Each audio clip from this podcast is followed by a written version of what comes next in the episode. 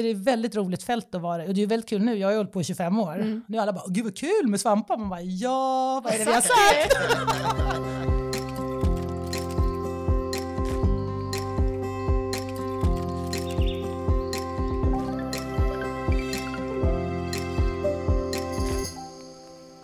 Svamparna har gett oss penicillinet, brödet och ostarna. Nu ska vi gå på djupet och se vad de betyder för den biologiska mångfalden under marken. Och därför träffar vi Anna Rosling, svampforskare och universitetslektor vid Uppsala universitet. Vi som håller i trådarna är Nikita Seilot. Och Palle Liljebäck. Det här är Naturvetarpodden.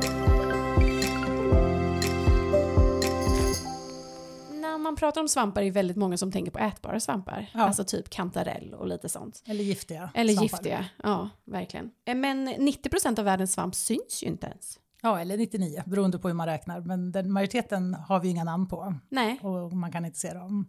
men de lever liksom under marken och vilken roll spelar de? Ja, till, bland annat under marken, men generellt så lever ju svampar inuti sina substrat. Liksom I sin ved eller inuti en insekt som de infekterar. Och, så de lever inuti det de äter. Och eh, i marken är det ju jätte- jättemycket svampar. Och där kan de ha olika roller. De kan bryta ner, de kan ta upp näring, kan ligga och vänta på att infektera något som ska, de ska döda.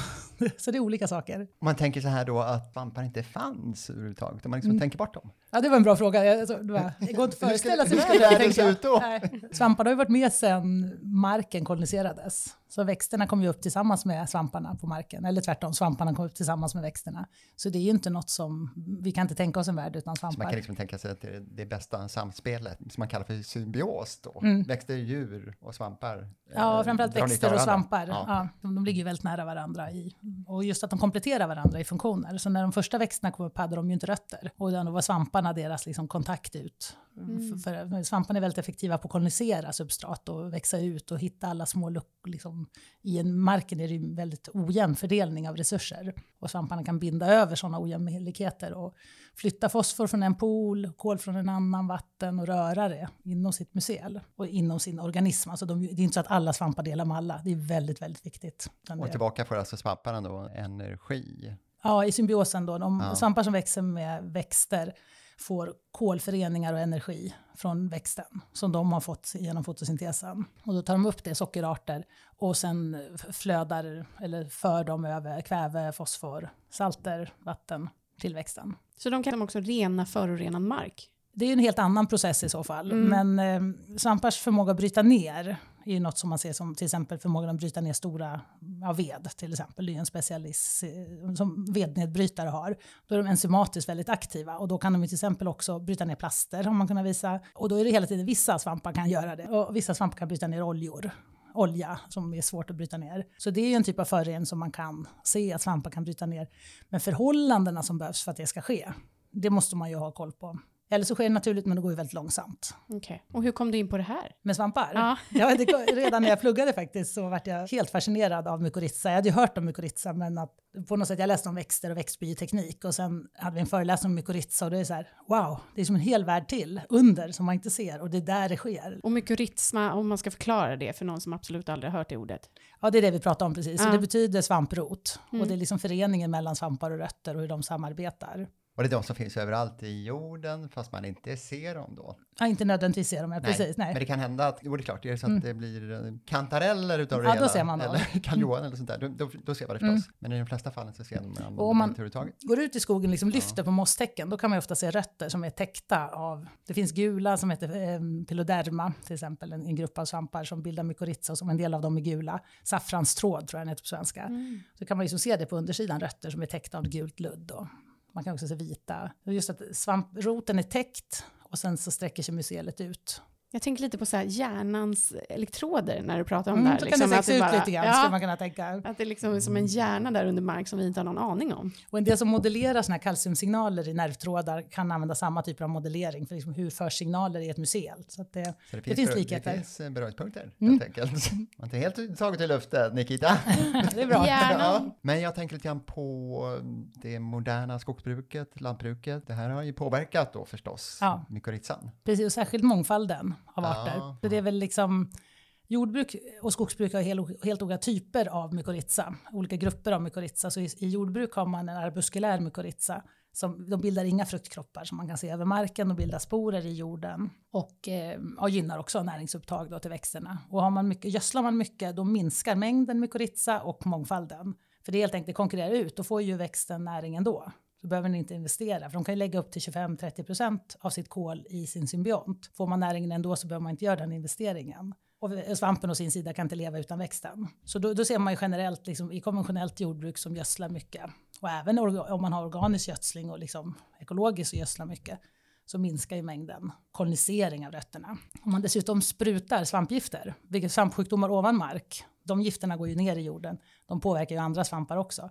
Så man minskar ju mångfalden genom att spruta svampgifter. Är det några svampar som gynnas då? Många skadesvampar gynnas ju av vårt jordbruk till exempel, eller mm. vårt skogsbruk. För det är klart att om man har rotröta till exempel som orsakar röta på skogsträd, de har ju funnits länge. Men förut fanns ju en stubbe här och en stubbe där som de kunde kolonisera. Om man nu gör ett kalhygge så finns det väldigt mycket stubbar att kolonisera. Beroende på deras nisch och deras strategier kan ju arter gynnas av hur vi brukar naturen. Så det är sånt jag tycker man kan ha med sig. Mm, hur ska verkligen. vi bruka för att minska skadegörande organismers utrymme? Kan man till och med dra det så långt att den forskning som du gör här skulle kunna påverka framtidens jordbruk och kanske även skogsbruk? det vet jag inte. jo, det säger vi nu. Ja, ja, ja, alltså på ett plan, jag håller på med alltså, dold mångfald, det är en fråga som intresserar mig, av alla de här arterna som vi inte kan se. Hur ska vi kunna identifiera dem, namnge dem, hur ska vi förstå hur de lever? För vi kan ju aldrig sätta ett namn enligt de liksom, regler vi har för att namnge. Och det är också svårt att fånga vår kunskap om vi inte har namn. Så jag använder molekylära metoder och tittar på mångfald i marken och så kan man känna igen att den här sekvensen som representerar en svamp den förekommer under de här äh, förhållandena. Och några av de här arterna som vi känner igen som bara baserat på sekvenser är bland de vanligaste svamparna som finns i skogsmark när man liksom gör analyser av hela samhällena. Jag vet inte om man ska säga så långt som att det kommer påverka hur man gör skogsbruk, men det hjälper oss bättre förstå mångfalden. Så på det sättet kanske vi bättre förstår mångfald och hur mångfald påverkas av skogsbruk till exempel. Och med det kan man säga att eh, den biologiska mångfalden är ett, eh, har ett eget värde? Ja, absolut. Ibland kanske inte vi kan säga att den här arten gör exakt det här, utan det viktiga är just mångfalden av arter som buffrar upp för varandra. Jag tror det är det vi mm. klarar oss om vi kan ha stabila system, därför att arter fyller i funktioner för varandra. Så om man skulle förstöra dem allt för mycket, vad skulle ske då? Alltså om man minskar den mångfalden. Mm. Jag tror man får känsligare system en sak som svamp i marken gör är att den håller ihop marken genom att den bildar mycel och slämmar ihop saker och håller ihop det. Man skapar ju en skörare system om man har mindre biomassa mikroorganismer och eh, mindre arter som har olika funktioner. Hur ser det ut i en naturbetesmark då, där vi har en extremt hög biologisk mångfald på ytan? Jag tänker mm. alla blommor, örter och den härliga känslan att gå på en sommaräng. Just det, ja, men det är ganska intressant att det, att det är på samma sätt under. Ja, just ja. precis, lika sprudlande där. Jo, men det är det nog. Och det är både svampar och så andra eukaryota mikroorganismer också. Dels är det bakterier också i marken.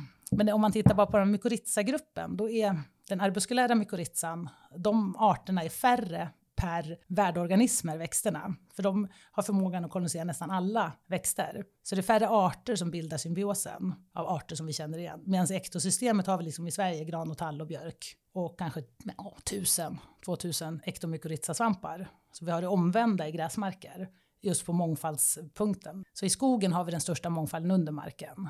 Gud vad intressant. Det är som att mm. man nästan ville ha sådana här, vad heter det, vad är en Stålmannen som kan se igenom Alltså sådana glasögon ah, på sig när man går någonstans ja, i skogen. Ja men röntgensyn. Och bara få se den där världen. För ja, det, det är det som kanske är det svåraste med att studera mark. För man, så fort man gräver så har man ju förstört det. Precis. Så då har ju rötterna gått av och så är liksom, så hur man studerar de här processerna, det är det som är mest spännande med mark egentligen. Och du använder dig av? Jag använder mig av DNA framförallt. Mm. Jag har intresserat mig ganska mycket för näringstillgång och försökt extrahera fosfor och titta på pH-gradienter och så här, liksom försöka koppla utbredning med det. Och så försöker man kvantifiera biomassa, men det är inte heller så lätt hur mäter man mängden svamp? Liksom? Man brukar snacka om nyttan här med forskning. Mm. Många gillar det. ja, ja, och du bara, det, ja. Den frågan har jag fått förut. Ja, vi, bara så här, vi försöker göra så lite skada som möjligt.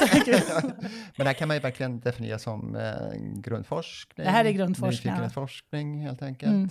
Men det är nyttan i den här biologiska mångfalden. Kan ja, och jag tror hela tiden man ska inte mäta direkt nytta. Nej. För det är superviktigt att vi förstår hur systemen fungerar. Mm. Men det är ju jättesvårt att sätta en siffra eller liksom så här, oh, om vi får reda på det här eller om den här arten här kan vi göra. Alltså, jag tror inte vi kan jobba på det sättet för det är så pass komplexa Och om vi säger att det finns 5 000 eller 8 000 arter av svampar, kanske hälften av dem bor i marken. Det är många miljoner att hålla ordning på. Men samtidigt belysa det, för jag menar jag tror inte det är så många som vet att de gömmer sig där nere. Nej. Och jag menar, om, eftersom vi är beroende av dem så är det bra ja, på något det, sätt. Är ju... Ja, det är bra att värna om ja, dem. Precis. Liksom. Och där är betesmark som du sa är ju jätteviktigt, för det är ju mycket mer diverst under marken än vad en åker är till exempel. Och så betet som ofta är liksom djur och köttdjur som ofta liksom smutskastas för att koldioxidavtrycket, så finns det ju mångfaldsavtryck som är positivt. Och det tycker jag vi måste lära oss att mm. väga emot varandra. Mm. Just det, och mångfalden i sig, eh, jag tänker på resiliensen. Mm. Det, det är det som är det viktigaste. Ja, just det, precis, ja. Att man liksom klarar förändringar. Ja, precis. Vi har stabila system och ja. de kommer ju också, betesmarker, över tid binda in kol. Men mm. igen, jag tror det är väldigt svårt att räkna och säga när tar, man, alltså, när tar vi hem den här vinsten? Alltså det gör man mm. inte, utan man måste acceptera lite mer komplexitet bara.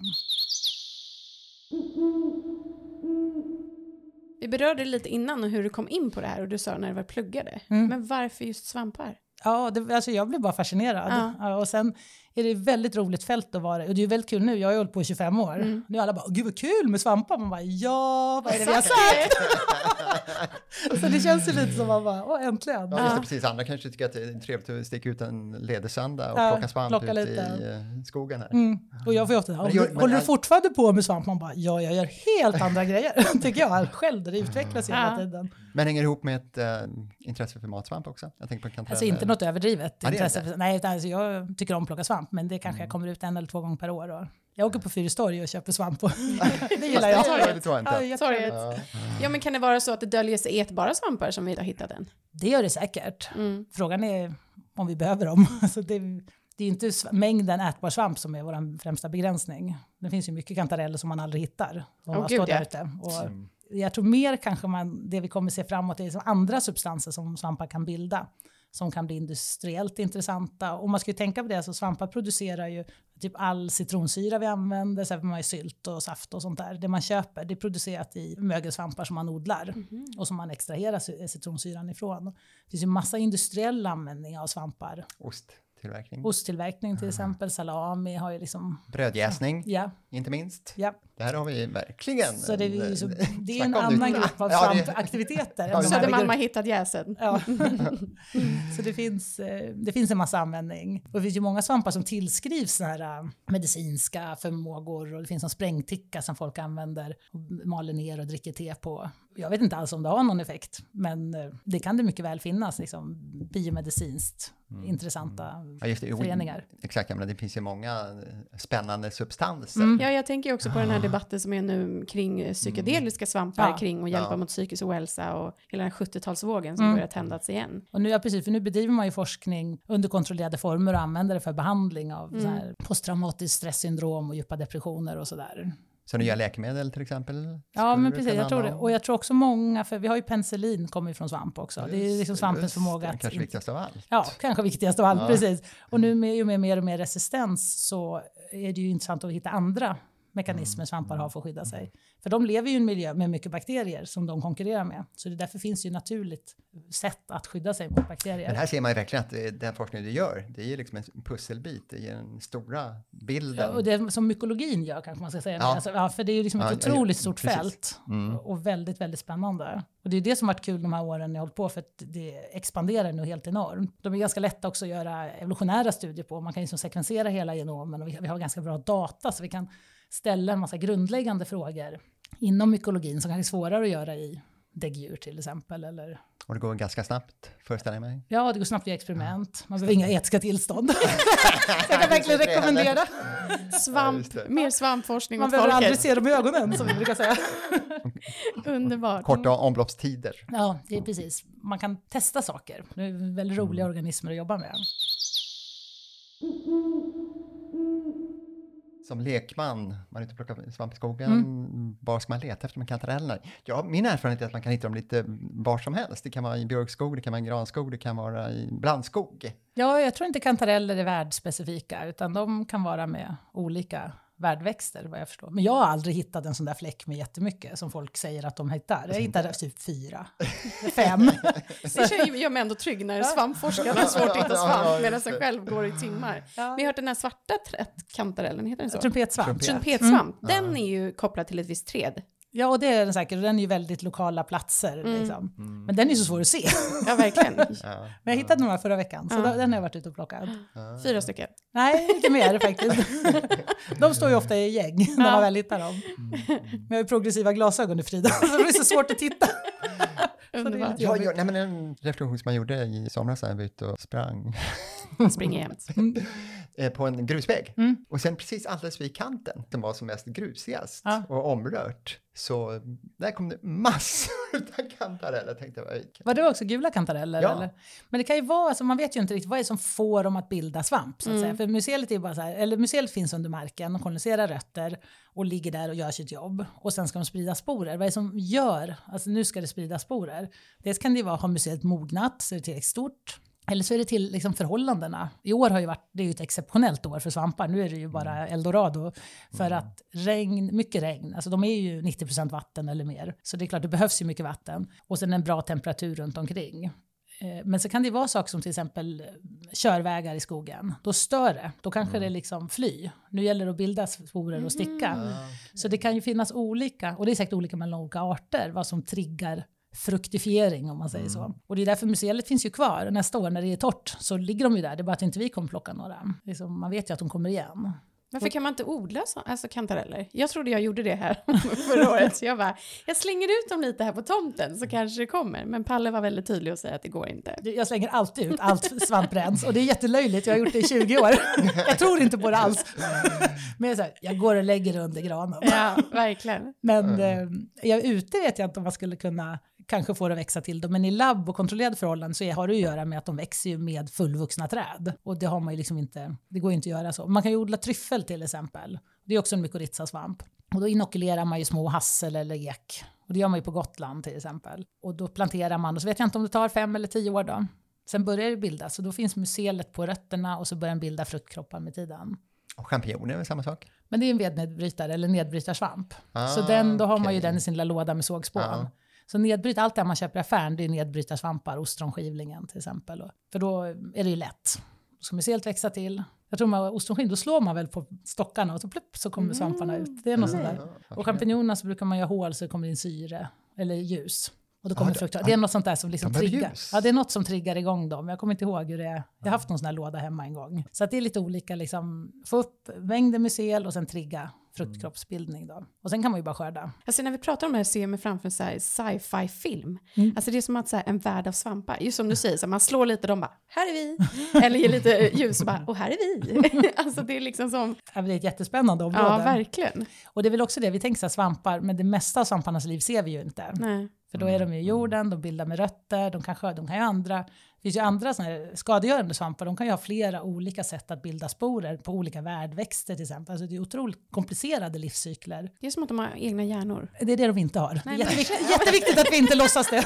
Är det något man har så är det inte hjärna. Nej, det var inte hjärna. Men däremot eh, är det inte så att de kan ta sig in i andras hjärnor? Och infektera? Eller ja. styra dem på något sätt? Ja, det finns ju de här insektskoloniserande eh, patogena svampar på ja. insekter. Men insekter har väl inte hjärna heller riktigt. Men de de kan ju styra, jag tror de styr musklerna direkt. Då är ju målet, svampen vill ju sprida sig. Eh, och då hitta, liksom, så att styra insekten att gå till en plats där den kommer sprida mycket sporer. Shit. Och då finns det olika strategier beroende på vilken sorts svamp det är. Ah, okay, så okay. de här man ser som koloniserar myror, då klättrar myran upp på 25 cm höjd och lägger sig så här neråt och så faller sporerna ner på myrstigen under till exempel. Men Gud. Så det finns ju, och då biter de sig fast för att de inte ska falla ner. Och så, här. så då styr den. Mm. Men de är, det ska man komma ihåg, så det är väldigt specifika interaktioner. Så det är som en art av svamp på en art av myra. Så det är inget hoppa över till människor och styra oss som zombies. Det kommer, vi, vi behöver inte vara rädda för det. Eh, det kan det var ju min sci-fi-film igen. ja, men den här, The Last of Us blev ju väldigt populär, det är ju superspännande. När vi ändå är inne lite grann på film här och kultur, du använder lite olika uttryck för att mm. uh, förmedla din forskning. Jag är alltid intresserad av konst, eh, och, konst. Ja, som, ja. och samarbetat med konstnärer och så. Ah. Som uttryck, liksom, ah, okay. Vi uttrycker vår forskning, de uttrycker sin kultur. Och nu ska det vara en utställning på Nobelhistoriska museet som mm. är svampar i konst och vetenskap. Gud vad intressant. Mm. Är det fruktkropparna där då som är intressanta eller Nej, kan det till och med vara museet? det är mer eh, alltså, svamparna som organismer. Och då säger de till exempel, svamparna är de som har fått mest Nobelpris. För då har vi ju penicillinet och alla så här äh, modellorganismer för cellfunktioner till exempel. Det är ju mycket studier gjorda i gäst. Så, okay. så svampar, det är ju ett rike, man ska ju komma ihåg det, ett rike med organismer. Det finns väldigt mycket olika funktioner och väldigt olika saker man kan göra. Vi får tacka dig så jättemycket Tack för så att mycket. du ville komma till Naturvetarpodden. Tack snälla.